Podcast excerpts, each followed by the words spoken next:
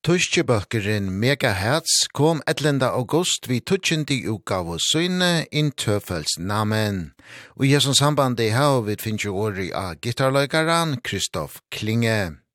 Opprunan til megahertz finna vi i 1903 og våre tar saman vi mittlunøren Ramstein og Umf, undan gong og bølger innan tøvnløkagrenna nøye deutsche Herzen.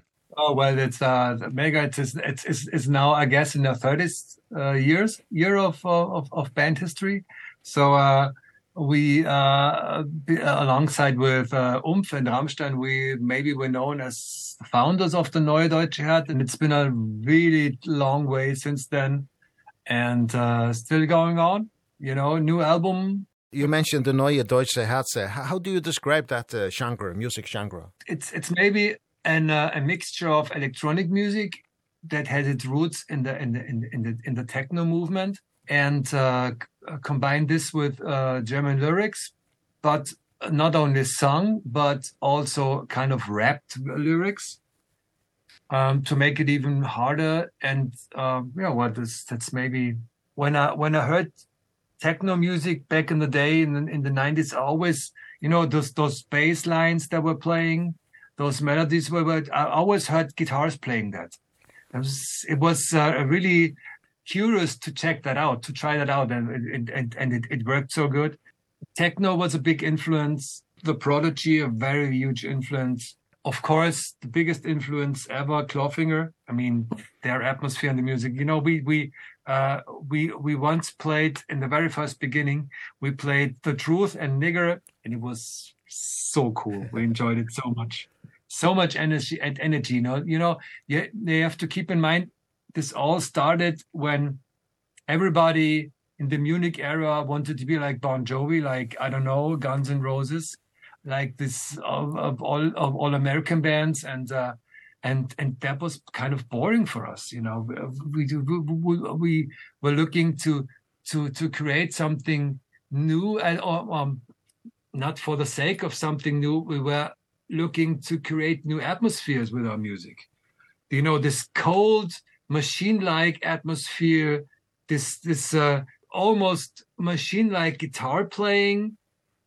And, and you know, I, I'm, I write most of the songs and, uh, and, and, and, and produce them here in my studio. And it happens, I would say, most of the time that I do not start a song with, uh, with a guitar riff but with I don't know uh, I know a baseline or or samples you know to to create some kind of atmosphere to create some kind of fundament foundation to put the guitars on top. And it's it's it's so funny because it happens so many times that it's only electronic music basically a bit and and then the then the guitars come in. And over the over time the process changes that the electronic gets gets more in the background and the guitars get more in the foreground so for most guitarists that are writing music it's it's it's maybe a little weird but for me it's it's perfect Vi tar finje Kristoff Klinge gitarlagaran ui meke herz, at hega okni jöknon nokra lovenon av in tøyfels namen og fyrsta lei han grøy fra om er Raben Herz. Well, it's basically it's a it's a song that Henning from from the the, the keyboard of of Unheilig did did for us, which is uh, who who also uh did the mixing of the album and Henning is one of of the coolest guys I know and one of the most talented people working in the in the German music scene is he's so unbelievable. You know, this guy is music standing on two feet. It's unbelievable. So Hope you enjoy this song. In deinen Augen kann ich mich sehen. Durch deine Augen fällt es mir leichter, die Welt zu verstehen. Ich lass dich los, denn du musst frei sein. Zieh mit dem Wind und den Gezeiten. Ich lass dich los, ich geb dich frei und nun flieg in die Ewigkeit. Rabenherz, flieg für mich, trag meine Träume aus der Nacht ans Licht. Rabenherz, flieg für mich, trag meine Träume und vergiss mich nicht.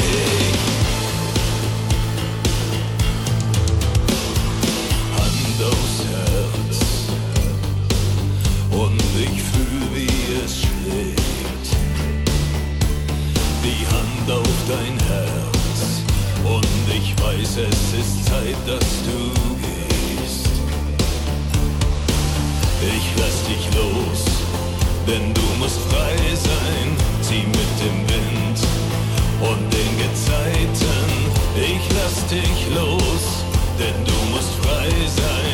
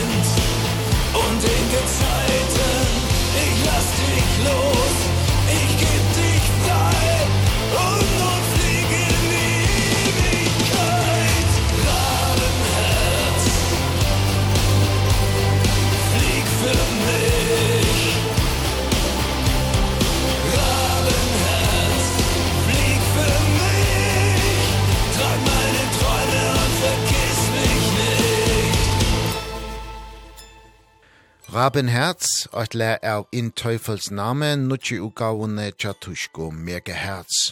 Tutsjenda utgava torra var tøk, etlinda august. Fem år i rullien så gjerne megahertz kom vi nesten just i utgave søgne, komet. Årsøkjen til at så langt tog er fra lien er ankel, sier gitarlagaren og læskrivaren Kristoff Klinge. Basically because of the pandemic, Yeah. There's been really dark times for me. For me especially I was really really depressed literally. I didn't feel very good. I really forced myself very hard to to to work on and I did but everything I created was just bullshit. It wasn't, you know, it was there was no there was no energy in uh, in in in what I what what I created. None at all. No inspiration, no energy, no power. So basically the first good songs happened when when uh, when when uh, we kind of saw the light at the end of the tunnel um and and and and felt that it's well it's, this whole weird thing is coming to an end and maybe more uh, uh regular times are are ahead of us. Made us come to life again in in in, in a, a special way. You know because the bands in Germany they had some kind of weird opportunities to do shows but you had to play in in outdoor cinemas you know where where you play in in, in front of parking cars and wiping their their windshield the the you know what i mean yeah. and and, uh, and and using their horns. Huh? What's that? It's not for me. I'm sorry. So we didn't do any of those shows. And uh, uh the other thing was was uh, that one of our um, band members uh, belongs to the risikogruppe you know. It was very risky for him to to to go under uh, uh, um, a lot of people uh, because if if if if the uh, if corona would have hit him it would have been even worse than uh, than for for us, us other people some other people I have talked to they said that the the pandemic was great because they had so much time and they could work on the on the on the material. The albums get better that way that you had so much time. So you have the other experience. You know it's, it's so funny. I always hear bands talk in that way. In interviews when I talk to colleagues I hear totally different stories. I can tell you. I mean and this is one thing that I don't know it's uh why why is it so so bad to show the people that you can be weak as well you know? So we are all human. It has been has been a shitty time. We you know all the the, the music scene and and and and the bands and and the musicians they they gave a, a really big part for the European European or German or whatever society to get along with the pandemic. Uh, we knew okay you can be infected and so that's it, it's a natural thing to stop playing concerts. It's a pity but you can't do it because it's bad for people. So of course this makes you sad. This makes you depressed. I mean may, maybe not everybody but i heard a lot of people telling when you know when the when the when the camera is out and when the microphone is off telling similar stories to what i'm telling. And um well i don't know. Og tøyen vi korona hever eisne givi uiblaster til en av sankonon av in Teufels namen, nemlig at det kunig det domen. Sanjen hever gesteren i kvöld, Kristoff Klinge, skriva saman vi vinesøynon, Alex Komleff. The König der Dummen, it was uh, one of those songs that had to be written during the pandemic. There were so many people having the weird, weirdest uh, ideas uh, conspiracy ideas and telling weird things about I don't know Gates implanting people chips by by the uh, by the thing uh, things da and uh, you know I have have this this this this one uh, uh, um friend uh, whom um work a lot with. Is his, his uh, Alex Komlev his name.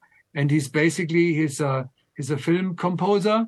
He's coming from the guitar as well. So we have a very very uh, good starting point. And and and uh, he's a little bit political guy too so i knew he understands me. And i was calling him and said alex we have to do this song. I you know my head ex explodes about this shit the people are talking about. And uh in you know in, in german television there has been this this vegan cook uh, and his name was Attila Hildmann. And uh so uh, we we had this writing session to to to do this song and and we had we had the idea to to use him you know not to use him or speak to him directly or speak about him uh, directly but to use him as a, some kind of symbol for these people who are losing their way. Because you know sometimes suddenly some some something happened in their head and they're completely out of control. I mean the the lyrics are pretty tough but there's also this this twink of an eye thing that we often have in our lyrics because I don't know if you know uh, Attila, uh, king of the Huns, König der Hunnen. So it was some kind of funny for us to say Attila, König the Dummen instead of Hun. Hun, so that's maybe a fun side of this. But I like the song. I, I do like the song very much, and I'm, I'm totally sure that we will play it on the, on the tour. Yeah.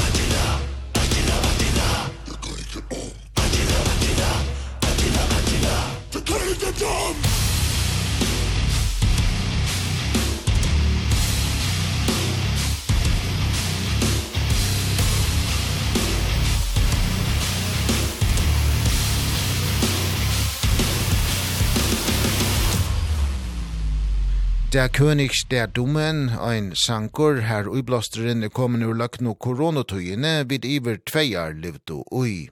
Sankeren er via nutje utgavene tja tuska bøltjen non megahertz. Tutsjenda studie utgava torra in Teufels namen ver utgiven 11. august. Det er Kristoff Klinge som kommer vi flest og husgått noen til sangenar tja megahertz. Og fyrragingarnar til in teufelsnamen bryr også kjøtt koronafarsøtten hver hesa av. Yeah, and when did the, the process of start working on the new album after the, the pandemic? After the pandemic. You know, when we uh, see uh, regular times ahead of us coming and, and, and uh, it was clear, okay, that's it, it's over now. Then uh, everything started to come to life again. And and how is the writing process? Are you sitting together or or are you sending ideas between you? Basically, I'm uh, I'm I'm writing the music uh and and uh making a making a song concept um, producing a demo or something and send it to Alex and uh he's gonna he's gonna do some lyrics on it and uh gonna send it back to me and maybe I'm gonna react mu in, in um, musical wise on this. And so we call this our ping pong effect and it it's it goes back and forth between the two of us. Uh and some some um, a few songs I wrote with other people and you know you you you meet a lot of people on on on in, in 30 years a lot, lot of interesting people that can give you interesting aspects to make your um your album even more colorful you know? Just it, it's for me it's it's it's very important that I don't want to be the creator of 11 songs on that album you know? It's you have to have influences influences from from other guys as well. I mean and, and since you know not every musician has uh, has to thrive to to be creative there are a lot of musicians that are more like they want to play that's that's fulfilling for them.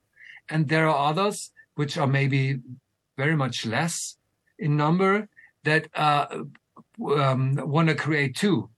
And maybe i'm i'm one of those smaller group of persons and that's the reason why why why i'm i'm i'm the one who's who's uh, who's responsible for the for the for for for the music that we do.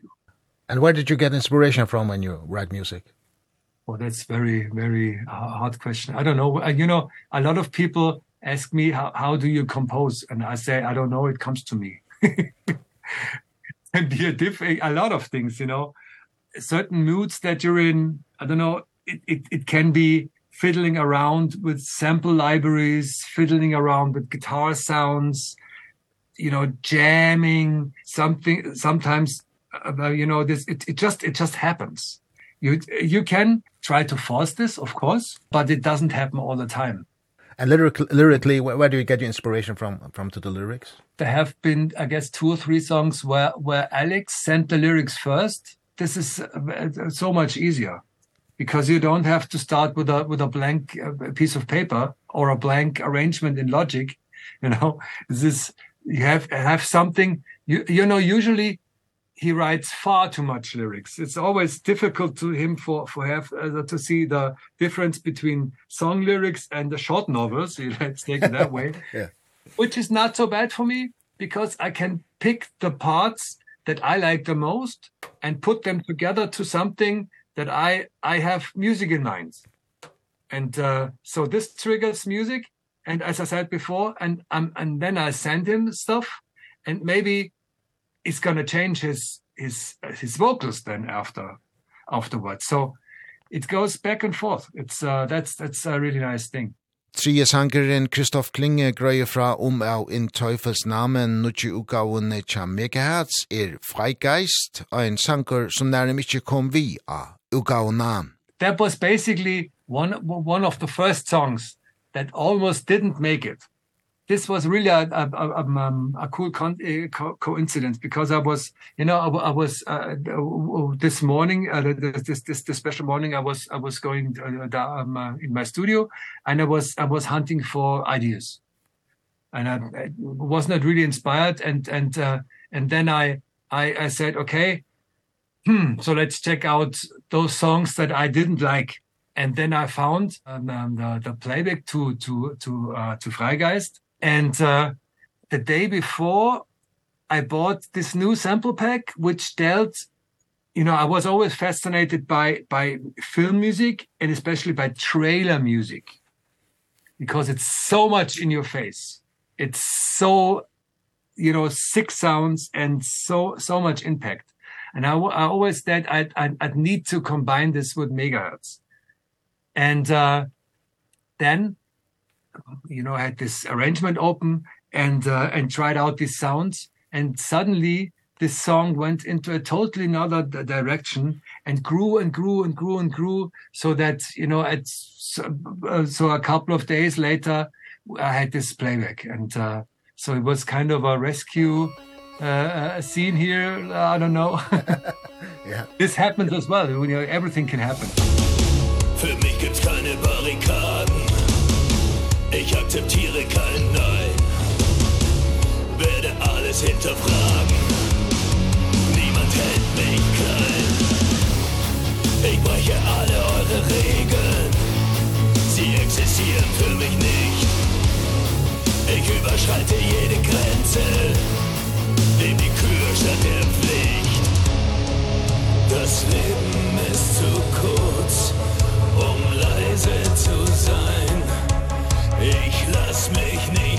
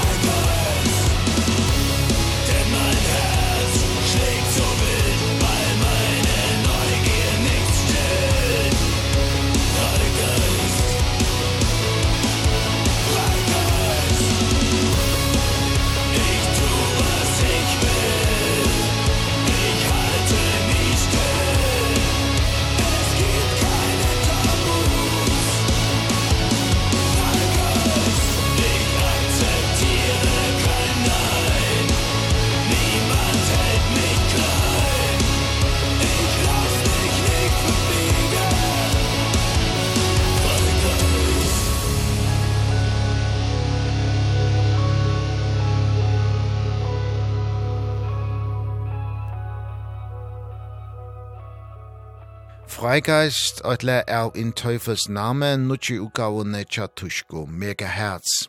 Tutjenda utgava torra var tøk, 11. august. Heute a utgavene in Teufels namen etla a føreskån og i djevelsins navne tijist brutalt.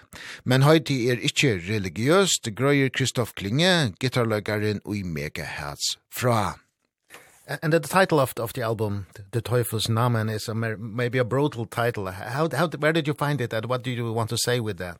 It's not slapping the uh, the church or something. It's basically about a question that everybody should ask him um, himself. How much are you on the way? Uh, how much are you in Teufels Namen unterwegs? Or uh, on the one hand side, or and um and, and in, in the other hindsight uh, how much do you care for your for your for your fellow uh, people you know? Leave away all those big elbows. You know that's that's that's what uh, alles arschloch is, is is about as well. You know just don't be this cruel kind of person that that ruins society. And you know it it, it could be your colleague at work. It could be you yourself at work. Just don't try to i don't know to to to to be better than your colleague just try to you know work together and, and have a good time and be creative in that way. And this goes up to some crazy autocrats who have have this weird idea of of uh, oh I want to have this country today so why not? You know? Uh, and uh, this is a whole range. Just think about think about your your actions and think about what what what the consequences are for other people what you're doing.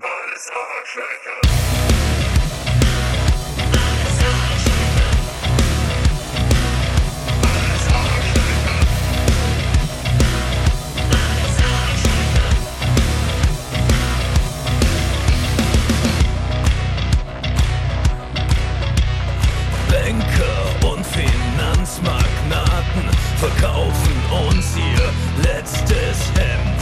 Sie verschleiern ihre Taten.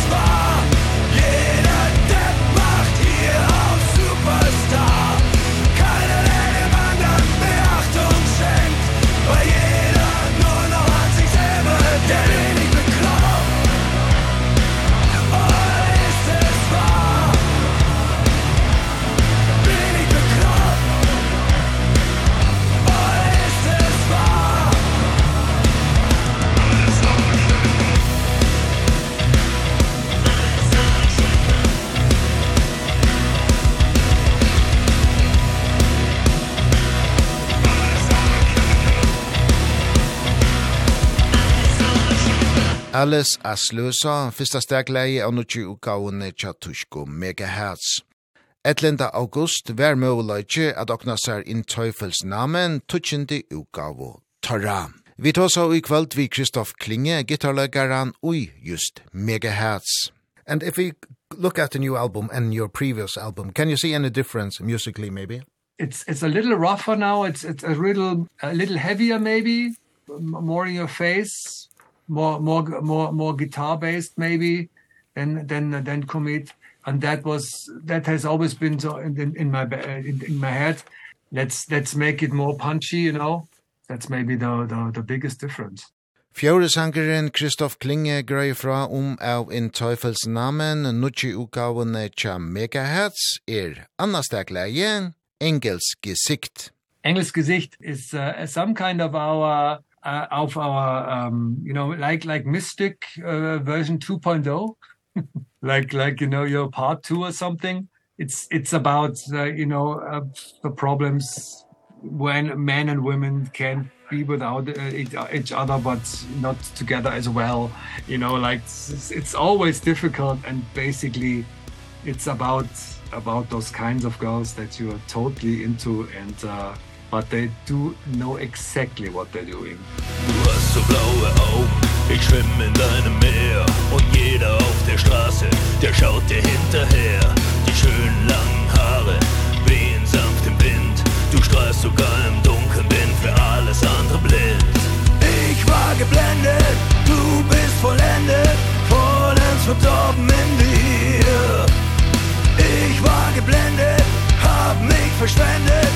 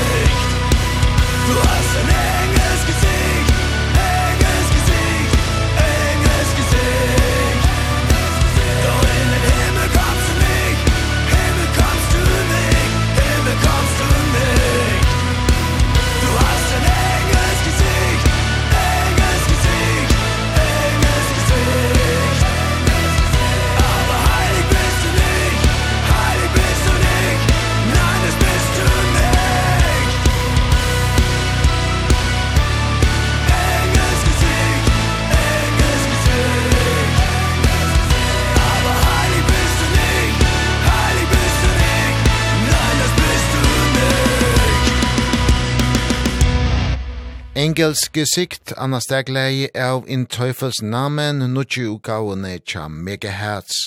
Tuskjebøkkeren kom 11. august vi tutsjendi utgavu syne in Teufels namen. Framtøyen ser bjørst ut tja megahertz og bøkkeren er løtene av europeiskare konsertfer. Kristoff Klinge er gitarløygare ui megahertz.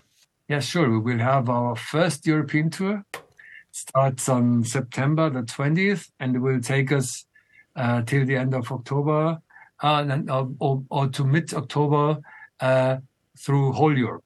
So from Barcelona up to London to Manchester, you know, Germany, of course, France, Netherlands, uh, Austria, uh, and so on. And so it will be really fun. And uh, will be a co-heading tour together with Combi Christ and, you know, can't get better.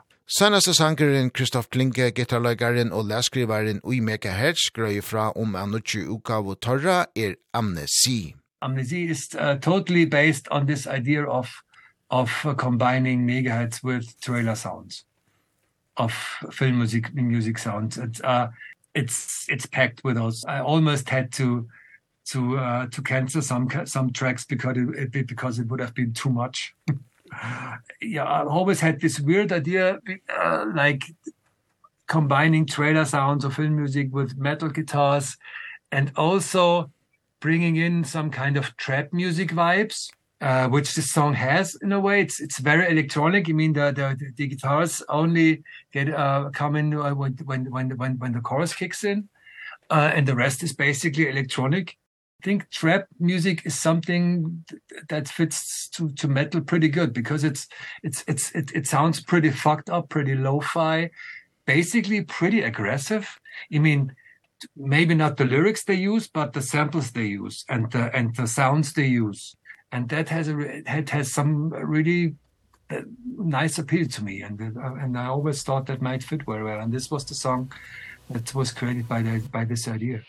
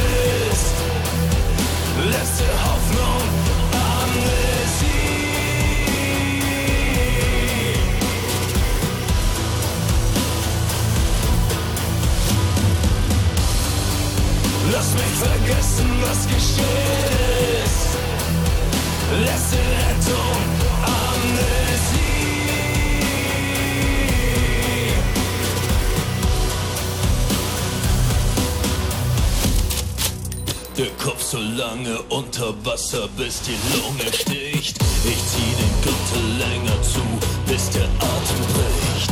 Starre Augen, ein letzter Blick. Ich mach das Licht aus, es gibt kein Zurück. Ich will vergessen, was passiert ist. Letzte Hoffnung.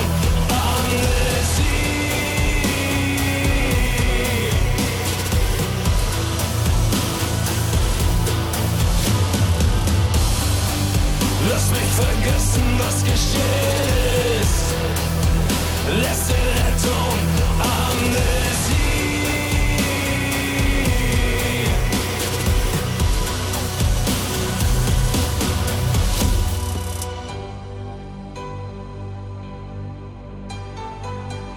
Ich beiß auf die Unterlippe.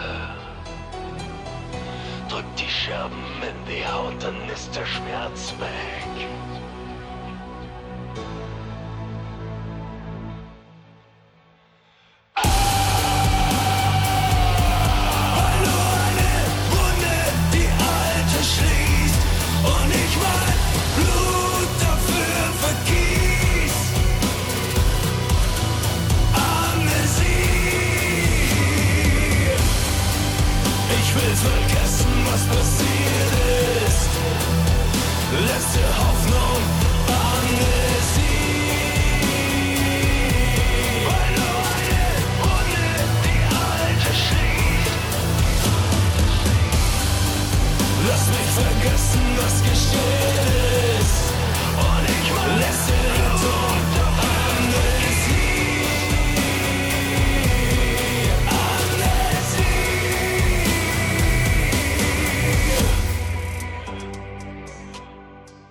Vi tar tosa vi Kristoff Klinge, gitarløygaren og i tyska bøltjen noen megahertz. Og en bølger som saman vi mittelnør rundt Ramstein og Umf var undangang og bølger innan tjøndagagrøyna nøye deutsche herze, som heie sin opprona fyrst ui nøytiarnon. Vi tås av mittel anna om nøye deutsche herze, og In Teufels name, nutji utgavuna tja Megahertz. Og så grøyte Kristoff Klinge øysne fra noen av løven og tuchin di utgavuna tja Megahertz. Nå seinast tog han okne jøknon, amne si.